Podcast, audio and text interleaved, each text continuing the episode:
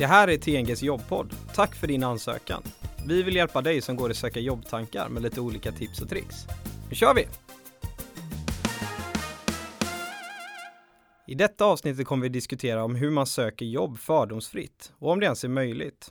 Och innan jag presenterar vem jag har med mig i studion så i vanlig ordning så har vi ställt lite frågor på stan. Hur tror du att det skulle kunna bli mer fördomsfritt när man söker jobb? Jag kan inte svara på det. Ja, det kan ju vara till exempel att eh, sköta intervjuer utan att mötas face to face så att säga. Eh, eller ha mer anonyma personliga brev eller CV när det kommer till, till bakgrund så att säga. Svårt. Öppet, öppen dialog. Öppet klimat. Prata om det. Svår fråga. Eh, det handlar väl mycket om liksom, ja, själva bemötandet och att personen som bjuder in på intervju eh, ja, lämnar fördomarna hemma och eh, ja, ser alla personer som lika och med samma förutsättningar från början. Svår fråga. Det ska bli väldigt intressant att diskutera detta med er idag. Och jag tänker vi börjar presentera oss. Madeleine, vi kan börja med dig. Ja, jag heter Madeleine, jobbar som rekryterare på TNG IT Digital. Yes, och jag heter Julia. Jag jobbar som rekryterare på TNG. Välkomna! Och jag tänker att vi börjar bena ut den här frågan eh, direkt. Vi börjar så här. Vad, för att liksom gå igenom vad, vad fördomar är för någonting. Eh, Madeleine, kan du hjälpa mig här? En fördom är en, ett förutfattande antagande om en person, kanske baserat då på att den skulle tillhöra en viss grupp och att ha, då man har en, en, en förutfattad mening, eh, en, en, bild av att den här personen och den här gruppen då skulle vara på ett visst sätt. Mm. Precis, och det utgår väl från ens tidigare erfarenheter eh, mycket och vad man speglas av media och den eh, aktuella debatten i, i, tidningar och tv och sådär. Eh, att man klumpar ihop människor helt enkelt utifrån eh, hur gammal man är, varifrån man kommer och så vidare. Okej. Okay. Men vad, vad innebär då en fördomsfri rekrytering? Ja, jag skulle säga att i, i TNGs fall så handlar det om att man innebär att man försöker minimera alla moment i rekryteringsprocessen som skulle kunna eh, innebära att subjektiva bedömningar påverkar urvalet. Mm. Och gör att vi kanske faktiskt går miste om värdefull kompetens. Precis, Nej, men just det här med att fokusera på just eh, kompetens snarare än att bilda sin uppfattning av hur en person ser ut på sin CV-bild eller vad den heter eller vilken skola den har gått på. Eller ålder för den delen. Ibland kan ju det också framgå och färga en, ens, förutfattade, eh, ens förutfattade mening. Mm. Precis. Ja, och för att rekrytera fördomsfritt kan man ju eh, göra så att man tar bort de här subjektiva bedömningarna så tidigt som möjligt. Eh, exempelvis handlar det om att skriva annonsen så pass neutralt som möjligt så att man inkluderar så många olika typer av kandidater som möjligt. Eh, och även ha med tester kanske som en central del i själva ansökningsprocessen så att det handlar just om sånt som går att mäta mer objektivt. Mm. Men är, är det upp till kandidaten att vara medveten om det här eller handlar det, är det här någonting ni rekryterar har väldigt bra koll på? Eller jag förstår inte riktigt där. Jo, man, det ligger helt och hållet på rekryteraren att vara medveten om de eventuella förutfattade meningar som man kan ha och fördomar. Eh, och sen att vara medveten om dem, men sen ska man ju också då försöka bidra till att minska riskerna för att, att hamna i en, i en fälla där så att säga. Och ur ett kandidatperspektiv så kan man absolut också ha med sig att fokusera på sin kompetens och, och lyfta fram den främst också. Precis, och det är ju inte konstigt om en rekryterare har fördomar för att alla människor har ju fördomar. Det är ju en del av att vara människa liksom. Så att eh, där ligger ju stort ansvar på rekryteraren att man är medveten om eh, hur man uppfattar vissa saker och eh, hur man tolkar ett CV eller så.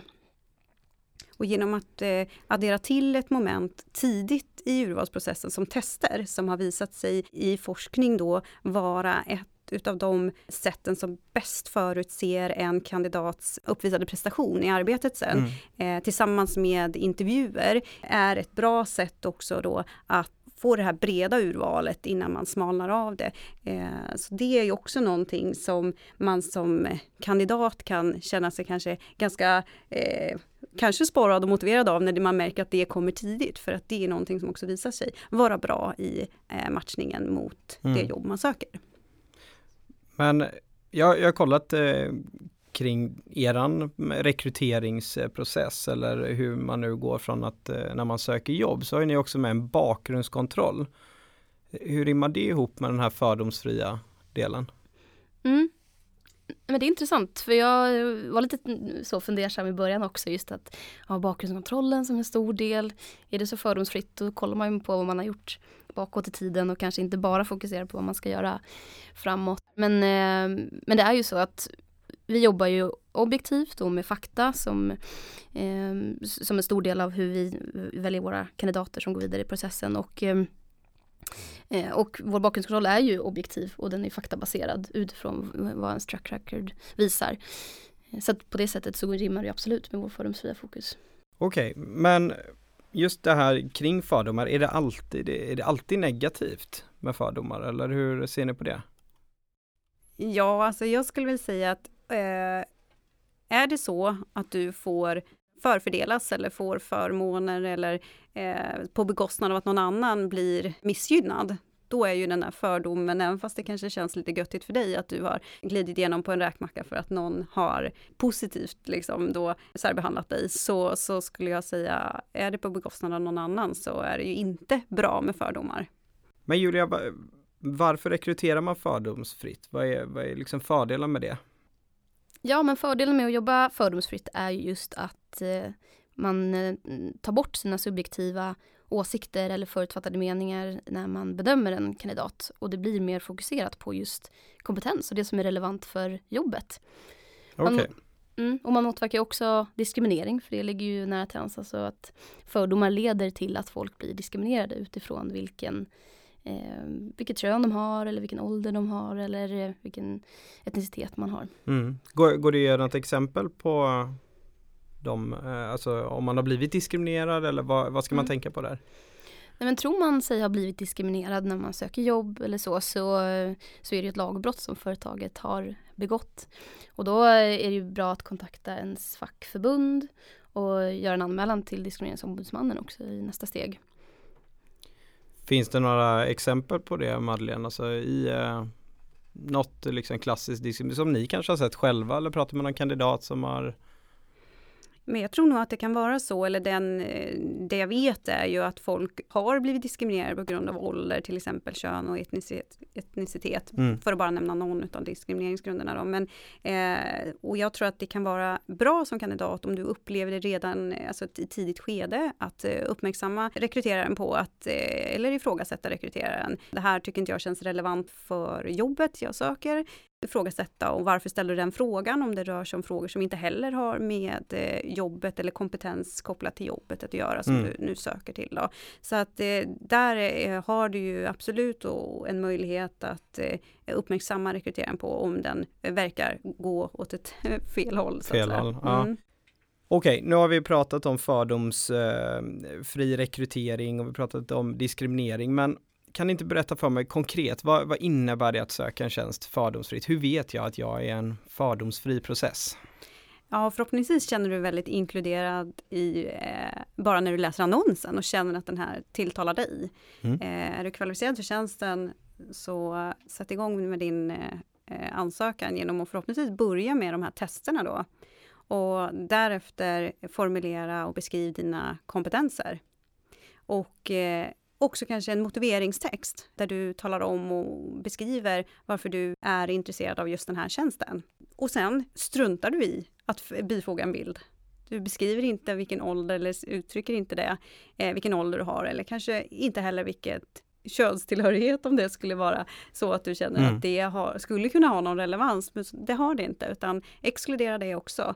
Och fritidsintressen, eh, också någonting som blir överflödigt när du ansöker och är i en rekryter- fördomsfri rekryteringsprocess.